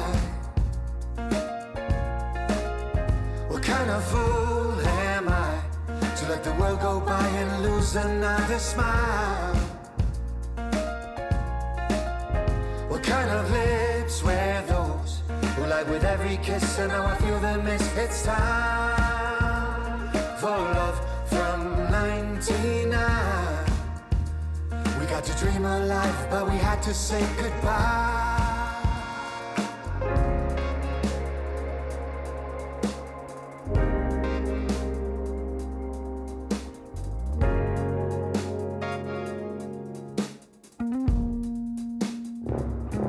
I catch myself awake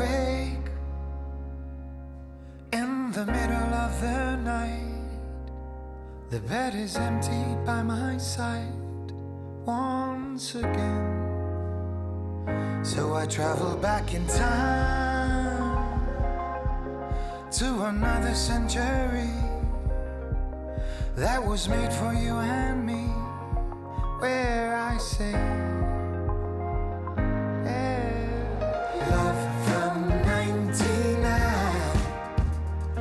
yeah, love from 99. We Got the feeling right in time drifted by. What kind of fool am I to let the world go by and lose another smile? What kind of lips were those? Well, like with every kiss, and now I feel the miss. It's time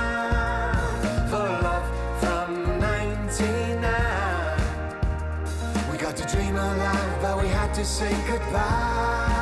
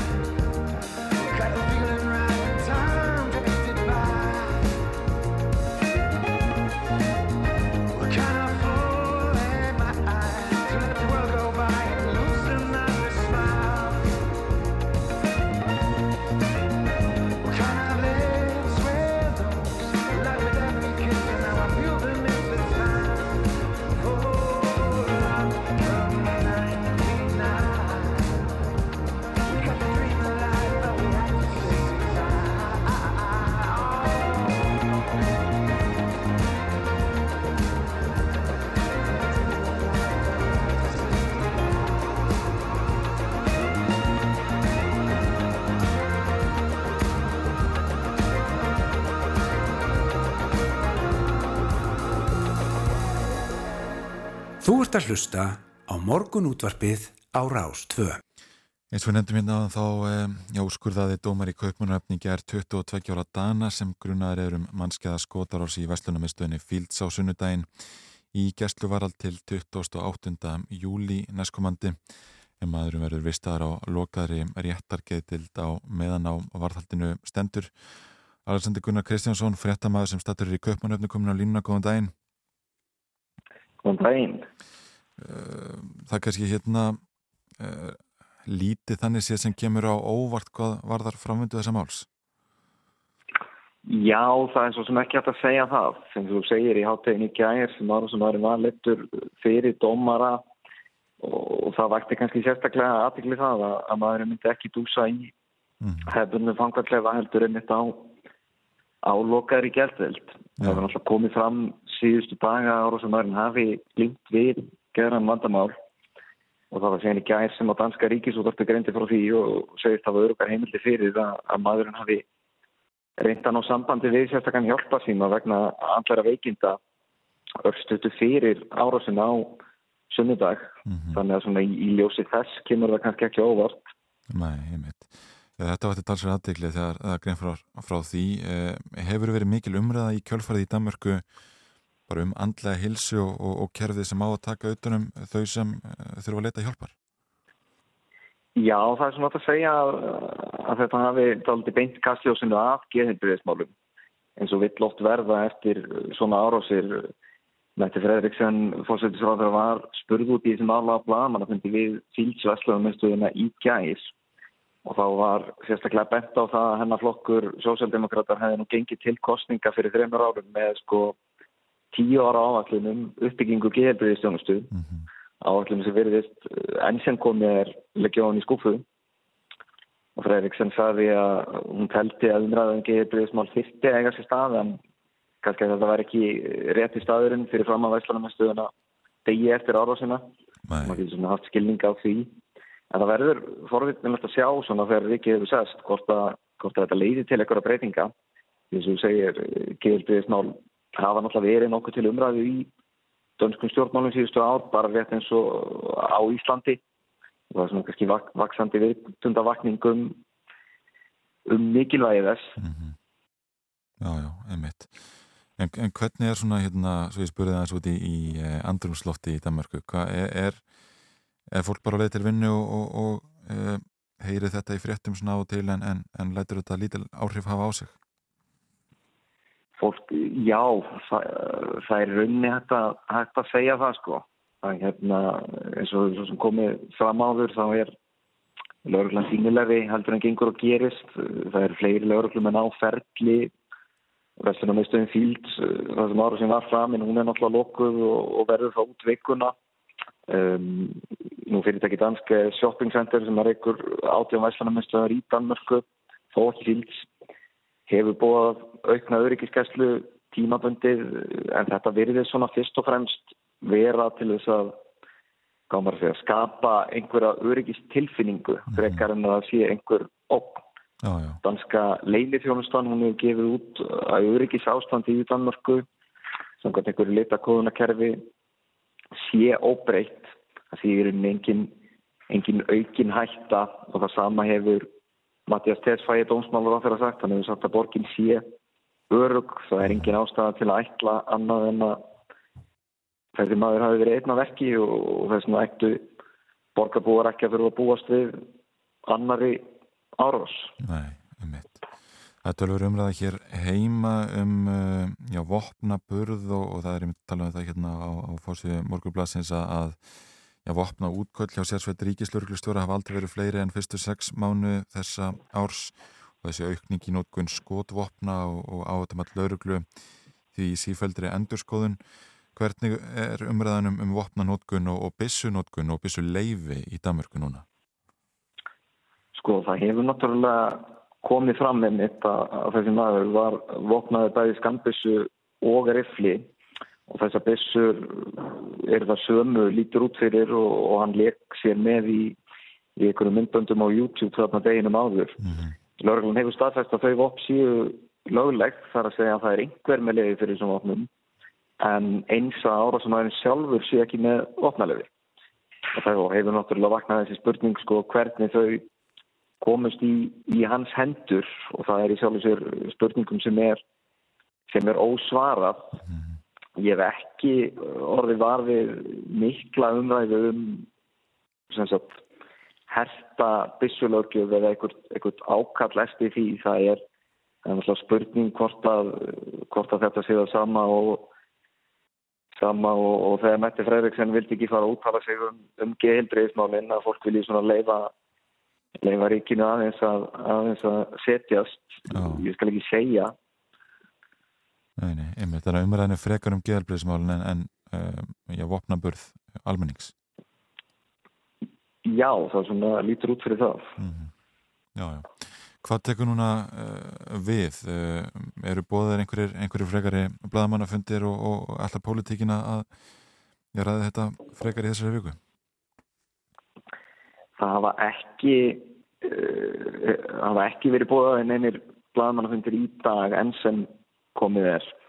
En það hérna það er nú alltaf eins líklegt að, að það verði eitthvað tíma síðan í dag. Hann segja búið að halda halda frjáfundi á þessum eina og halva sólafing og það kemur nú ekkert óvart að ef það sá fjórði yrði í dag. Já, já, er mitt og meðan eh, já, eru Danir til dælu að róleir? Já, ég myndi segja það. Þetta tekur þetta á alla það, allir sem að tala við þegar maður tala við fólk þá er þetta það fyrsta sem maður sem maður ræðir en, en enga síður lífið held, gengur áfram sinn vana gang. Það verður ekki að þetta Nákvæmlega. Alessandir Gunnar Kristjánsson fréttamaður í Köpunum, takk fyrir að vera á línunni hjá okkur í morgunúðarspinu Takk sem að leiðis Já, en uh, við uh, ætlum að halda áfram hér í morgunúðarspinu Þetta er Lenin Kravits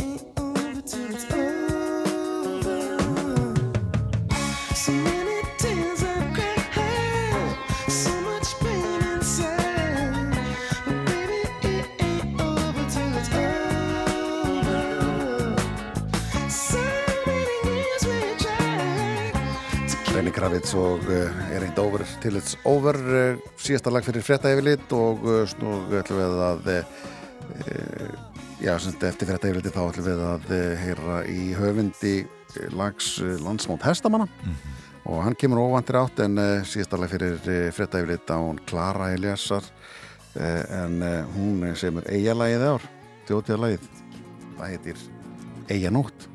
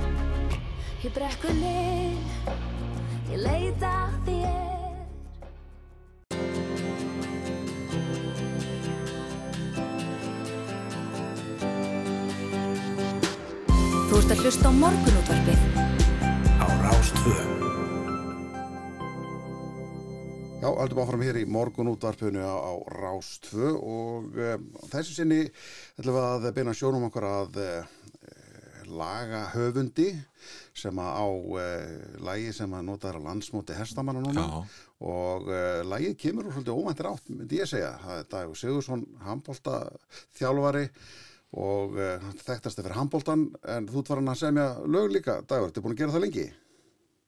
Já, já, ég er búin að gera það í einhver, einhver 20-30 ára, alltaf svona eitthvað að dúla með reitt bara og og sérstaklega fyrir svona veiðiferðir og hestaferðir. Já. Já, ég hendi í lög en þetta var kannski svona það sem að hafði elst best. Já. Er 10-12 ára gammal. Já, já, já. Og þetta er heldur betur óður til hestsins, íslenska hestsins. Já, já, við, við vorum að bara einhver hópur saman í, í hestaferð og ég hef ekki reynd eftir knapin þannig að ég ákvaða að taka með mér eitt lítið lag fyrir kvöldböguna og, og hérna og þetta bara svona sem einn var til og, og hérna og svo var þetta svona ófrá gengi í einhver 10-12 ár þess að segja. Já, og greistu þá í gítarinn sem sagt. Maður hefur svo lítið sjálfstöðst í, í þessum branda sko. Já, já, einmitt. Sjálfstöðst í líkur annars það. En þegar þú ert að, að, að semja þetta lag og, og semja raunur lög, uh, kemur það í gegnum, gegnum gítarinn? Er þetta að taka gítarinn með í, í Já, bara, já, svona kassagítar. Já. Kassagítar slag sko. Já, en hvernig, hvað kom til að fór, fóruð í upptöku á þessu lagi? Já, ég sko var stattur upp í Tókjó, var þar í desember og án fjölskyldu og, og hérna orðið mjög meir og og eitthvað einmanna og ég hugsaði með mig ég best í gefinu það nú í a- jólagjöf að klára þetta lag. Já. Upptökur og svona. Þetta er svolítið eins og að vera með lítið startup fyrirtæki að hugmyndin er komin en það, það þarf að klára og hérna, ég ákvað að taka þann pólinn að hérna, taka mér það, þennan tíma í það að klára þetta lag. Svo var hann bara tilvíðin að ég hitti, hitti Hilmis Næ í veiði sa- sama sumar og, og hérna, já, fyrir, fyrir ári síðan og, Já. Og hann var til að hoppa inn og, og syngja það. Já, einmitt. að- að- að- að- Það er einhvern veginn verður svolítið kappójalegt ef við vorum það þannig. Já, já. Það er að Hilmir er fyrir að syngja þetta.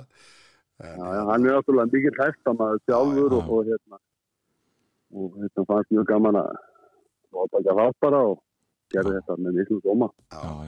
Gefur hverju orði einhvern veginn, hann gefur hverju orði einhvern veginn svo mikla merkingu. Já. Já, einmitt. Hvernig kom það til að þetta er, er þetta opibert lag landsmáls hestamanna núna eða hvað? Já, þetta er, þetta er það. Ég hérna, það, e, e, það var ein, ein vinkona mín í þessum hóp sem að ég fór með hann í hestaferðina fyrir 10-12 árum síðan og hún er komin eitthvað í, í, í hérna nálast landsmótsnefndinni og leiði þeim að heyra þetta. Ég hitti hana fyrir tilvíðin aftur. Er í flugvel rétt, rétt, rétt eftir ég hafi tekið þetta og ég sagði, er kannast þú nokkuð þetta frá því til 10-12 árum síðan? Hún sagði, dagur þetta verður að vera landsmótslæg og þá hérna var allt þetta í gang og, og, kom, komu þeir á hlutu og, og, og hérna þau bara við viljum endilega fá þetta lag sko. við erum búin að vera að leita einhverju góðu og, og vorum að spója að finna einhverja listamenn en þetta er bara tilbúið. Já, þetta lítur að kalla á, á live flutning á mótinu. Já, það er aldrei að vita sko það er aldrei að vita, ég er náttúrulega á flatir núna það er langt en, en hérna við sjáum hvað, sjáum hvað gerist. Já, uh, já statar á flateri núna og, og bara í frí hérna heima, hvað er að frétta annars að þetta ár? Það er bara allt gott að segja fyrir sko. Ég hérna er að, er að uh, halda áfram bara mínu stryki með japanska landslið við átúðu ára eftir að þeim samning við komum aftur saman núna í ágúst. Að það bara hefur sinn gang Já, stórverkefni framönda þar Já, já, er gæsta vol og stórverkefni sem maður er að taka þátt í hverju sinni Já, akkurat. Og það, þarna gefast þið vonandi rými til að semja í meiri tónlist. Já, já, það er, það er vonandi sko að maður ná að sittast niður og, og setja í eitt lag eða svo. Já, skell í eitt lag. Er, Já. uh, bara til aðmengi með lagidagur og hérna ætlum að- að heyra þetta lag núna og hérna og koma fólki svona í landsmót stemminguna í leiðinni. Takk fyrir spjallið. Endilega, takk.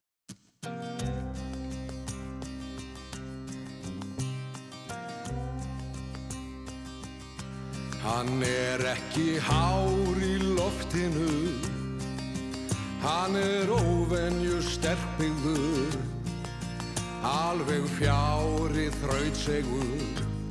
Státar af jafnaðar geði Hann er óvenju fallegur. Oft á tíðum viljugur Hann er hinn íslenski stóðhestur.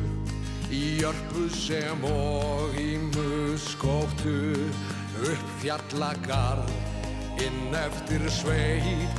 Fákurinn ber mig á baki sér Berst ef við villumst af leið. Og þegar bílurinn brestur á bak Þá er gatan loks greið. Þá við rýðum af stað Viljum heim til því Tignalegur á töltinu Faxið flögtir í vindinum. Þarfasti þjóttnin í landinu. Alveg frá landnámstímanum. Upp fjallagarð Inn eftir sveit. Fákurinn ber mig á baki sér Berst ef við villumst af leið þegar bílurinn brestur á bak Þá er gatan loks greið Þá við rýðum af stað Viljum heim, rýðum af stað Viljum heim til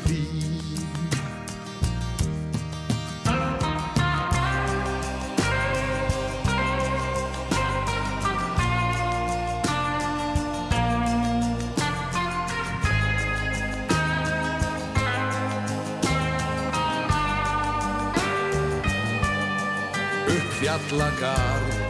Inn eftir sveit Hákurinn ber mig á baki sér berst ef við villumst af leið.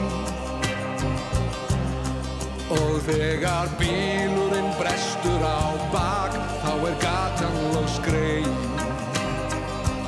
Þá við rýðum af stað Viljum heim, já við rýðum af stað. Viljum heim og við rýðum af stað Viljum heim til því Þú ert að hlusta á morgunútvarpið. Á Rás 2. Já, þetta, þetta er skemmtilegt að, að hérna, að þetta skulle vera eh, lag landsmóns hestamanna, mm Mhm. -hmm. Hilmi Snær og Humlanir, lag eftir Dag Sigursson, handbóltakappa. Já, já, eins og þú nefndir nú eiginlega aðan Kúreka bragur að þessu Já, það er, er kúrika bragar á þessu, heldur já, betur. já, já, já. En Guðmundur Jóhansson, tækni spekulant morgunútvarsins er hinga komin góðan daginn Já, góðan daginn. Hvað eh, ætlar að segja okkur af heimi tækninar í dag? Eh, Heila þess að tala um framtíðina eins og við kannski gerum stundum og ég Já. kannski oft talað um þennan hluta framtíðarinnar þegar kemur að tækni og, og tölvum og öllu þessu og eh, eitt af því sem ég stundum talaði um er þess að kallast ambient computing eh, umlegjandi Já. tækni eða tölvun. Það þýðir raunum bara að tæknin sé allt umlikjandi og allt í kring og oft svona áðins endilega við vitum af því. Hún er einhvern veginn að- tækin öll og hugbúnaður og upplifun og samskipti okkar við tæknina, hún bara er hún er bara. Já, já. og við svona tökum ekki meðvitað ákvörðunum að nota hana. Og svona eitthvað sem mér finnst mjög spennandi og svona tækifæri í en líka einhvað sem er svona hljómar pínu oft eins og úr vísindaskálskap Já. að við getum einhvern veginn beislað tæknina þannig að hún bara einfallega sé og dæmi um þetta svona að við sjóðum þetta alveg niður er bara að við sittum og horfum á sjónvarpið og stöndum upp að þá fattar sjónvarpið það og stoppar það sem er í gangi Mhm. Ískápurinn einfallega minnir okkur á að fara út með ruslið af því að hann veit að við erum ekki búin að gera það Já. Það er alls konar svona hlutir að þetta er svona einföld dæmi sem eru auðvitað ekki að leysa heimsvandamálin en svona hvernig tækninni getur aðstóð okkur og hjálpað okkur og verið til staðar og verið til taks og kannski bara hjálpað okkur lítilega uh, með okkar daglega ámstur Já, annars held ég að maður er pyrraðar, maður er orðin pyrraðar á snjallúrunum sem að maður situr í kaffikstarkinu og dít, bara að reyða þig, búin að sitja of lengi. Já, klá, klálega, en sko dæmum um mitt svona er líka bara að tæknin þegar við tölum svona um að hún sé allt um líkjandi er einfallega að hún skinji okkur og líkamstjáningu okkar og aðtafnir og annað dæmi er til dæmis ef að eh, tölvan okkar er stilt þannig hún er að spila eitthvað hljóð þegar það kemur tilkynning.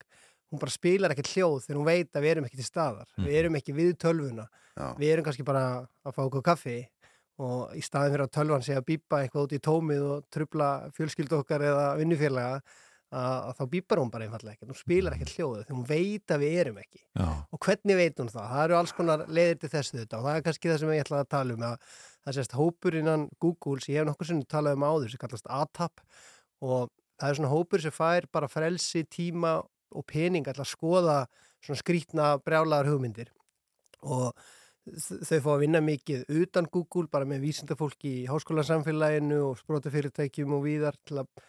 gera alls konar svona skrítna tilraunir.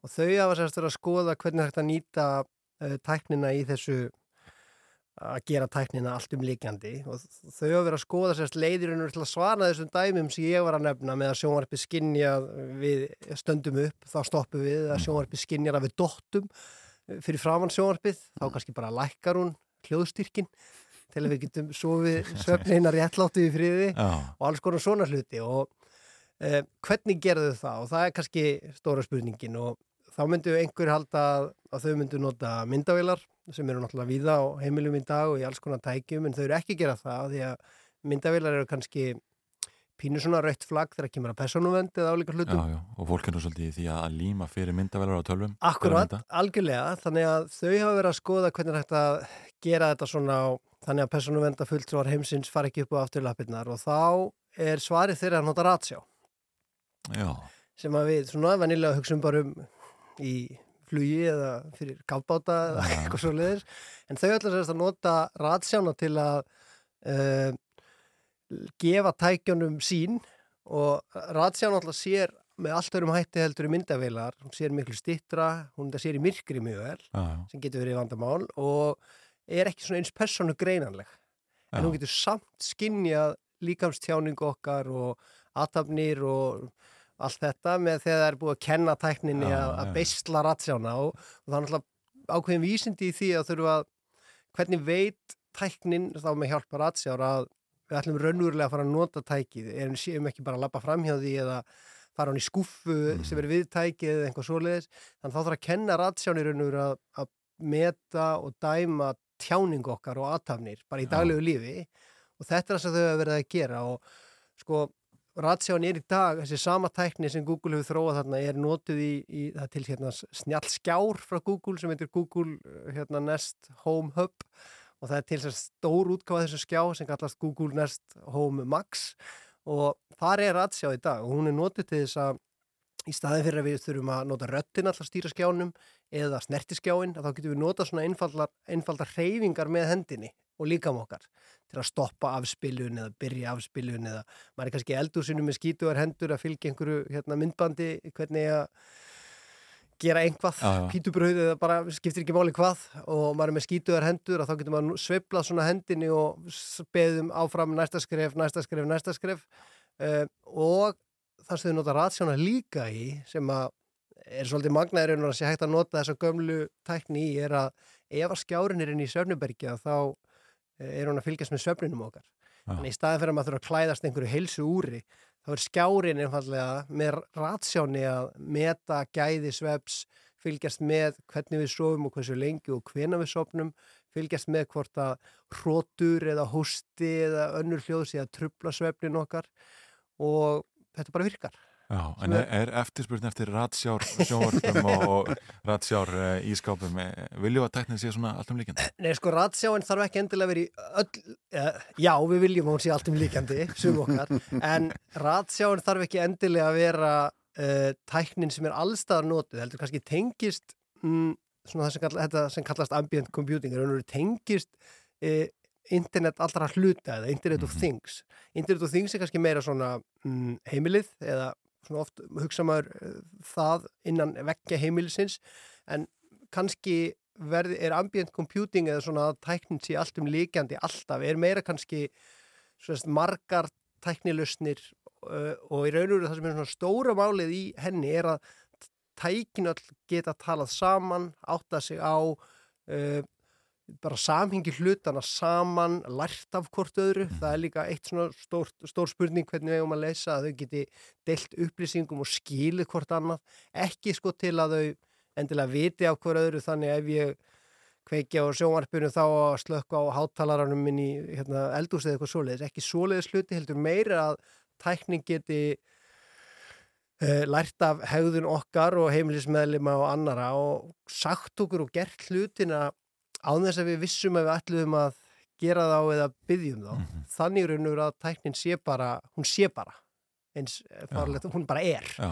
og þannig geti tækn í stað í raun aftur ef við sjóðum þetta alveg niður mættum bara stundum hugsa þetta eins og þetta verði í staðin fyrir að við séum barn og það sé verið að ala okkur upp og mamma okkar er að minna okkur á að fara í stígulum að því að það er rigning úti að það verði einfallega bara gerist að heimilið okkar og tækin okkar þau halda svona í hendina á okkur áður sem við spyrjum hvernig er veðrið á morgun heldur tæknin veit við erum að fara út það væri gott að vera í stígulum Já. eða taka með sér reglið Já. eða hérna myndu eftir að kaupa mjólka því að þú borða verulega grónungraut á miðugundum Já, já. þú veist það er bara all, allt þetta eða kaffimjólkin er búið, þú veist að kaupa meira það er engin, við sögðum ekki við einhvern snjall þjón að setja gemjólk á innkaupalistan heldur tæknin veit að við munum alltaf nota gemjólk og hún er búin einfallega í skafnum Já, já, einmitt. Það stefnir þá í einhvað, einhvað allsýra stríð, bara persónuvendar og, og þess að tækja eftir að vera. Sko stóra málið sem að reyndar aðtap hefur verið að svara er og skiptir mjög miklu máli með tengt þessu er að öll þessi gögn og öll þessi vinsla hann hláttur að vinna allar þessar upplýsingar Ein- einhvern veginn þarf ratsján eða myndavilar eða tækin okkar öll að vita hvað er í gangi og vinna með þessi gögn og sísla með þessi gögn. Og þá er einhverju stóra spurningin er hvernig við gerum það á staðnum? Að, tækin sjálf geti hugsað og unni með gögnin án þess að þetta fara upp í skýið. Mm. af því þegar þetta fyrir upp í skýið þá er alltaf missu við stjórn á upplýsingunum að einhverju leiti því þá eru þau farin annað, þau geta þess að farið á milli heimsálfa á þess að við vitum af því í rauntíma næstu Mm. því.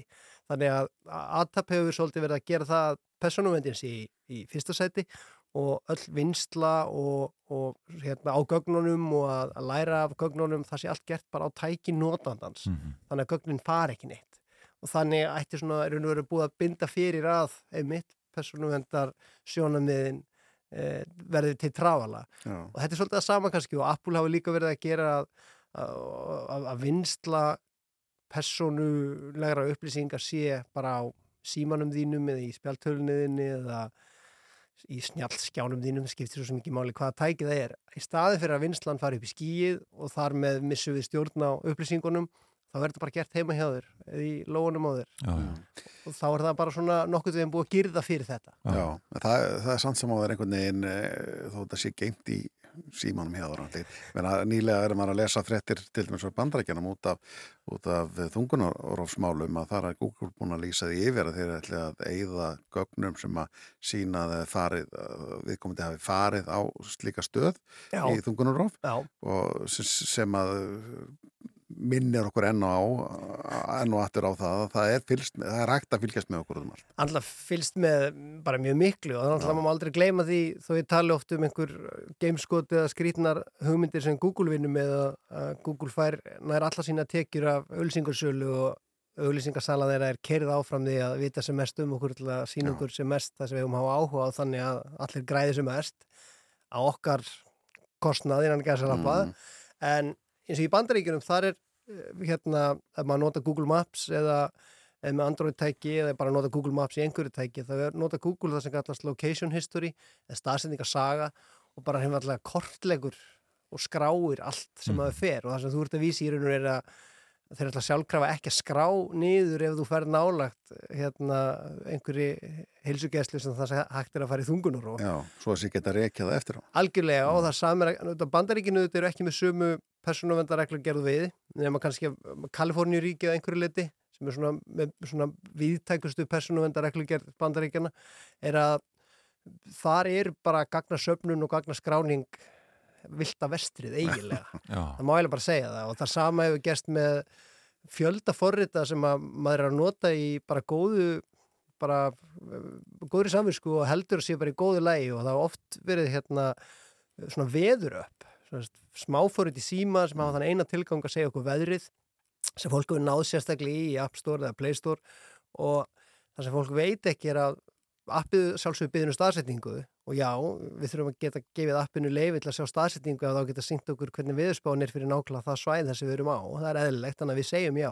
En á sama tíma hafa þá uppin verið að sko bara grimt nýri sko eh, bara með GPS, með mikilvæg nákvæmni verið að skrá staðsetningar okkar. Og það er bara mjög minnistætt hérna grein frá New York Times fyrir nokkur ári síðan þess að þau tóku uh, gagnanleika frá svona information broker eða svona upplýsingamiðlara sem er búin að kaupa upplýsingar frá alls konar aðlum af netinu og með þessum gögnum gáttu þau bara kortlagt líf heila manneski Já. og bara gáttu fundið út hvað hún ætti heima, hvað hún vinnur bara hver áhugamálanar eru bara með því að hafa í raun og veru þá ópersonu greinanlega gögn með því að kaupa alls konar gögn hérðan og þaðan, þá gáttu þau samin að það í eitt stórt gagnasett og það með bara kortlagt manneski og fundið út hver þetta var og allt um hana er raun og veru og svo staðfestu þau bara með því að hafa samband við þessa manneski sem var hjúgrunarkona að, að, að hjúgrunarfræðingur að þetta væri rétt. Já.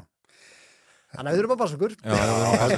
Það sé ágætt loka orð Það er svona kallt vatn milli skins og svona. Við þurfum að fara að kveðja rúnar. Já, um, komindur takk fyrir þetta kærlega og uh, það komið að, að leiðalögum hjá okkur uh, í dag, við heyrst aftur í fyrirmáli 6.50, við yngvar þakkum fyrir okkur í dag bara það ekki, Jú, þetta nálgast alltaf okkur efni á á rúf, það er ágætt að nefna það. Já. Hér í lokin, takk Já, fyrir okkur. Síðasta lag fyrir uh, frettir og svo er það Óli Palli eftir í morgunverkunum eftir nýju frettir Þetta eru Måneskin og If I Can Dream Elvis lagið, þetta er úr Elvis myndinni nýju, eftir Bas Lúrmann Takk í dag, There must be lights burning brighter somewhere. Got to be birds flying higher in the sky, more blue. If I can dream of the better land where all my brothers walk hand in hand, tell me why, oh why, Oh, why can't my dreams come true?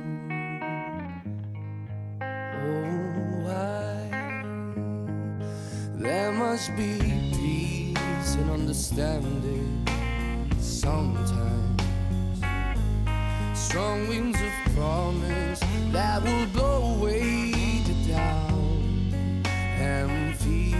If I can dream all the way you're sun, where hope keeps shining on everyone. Tell me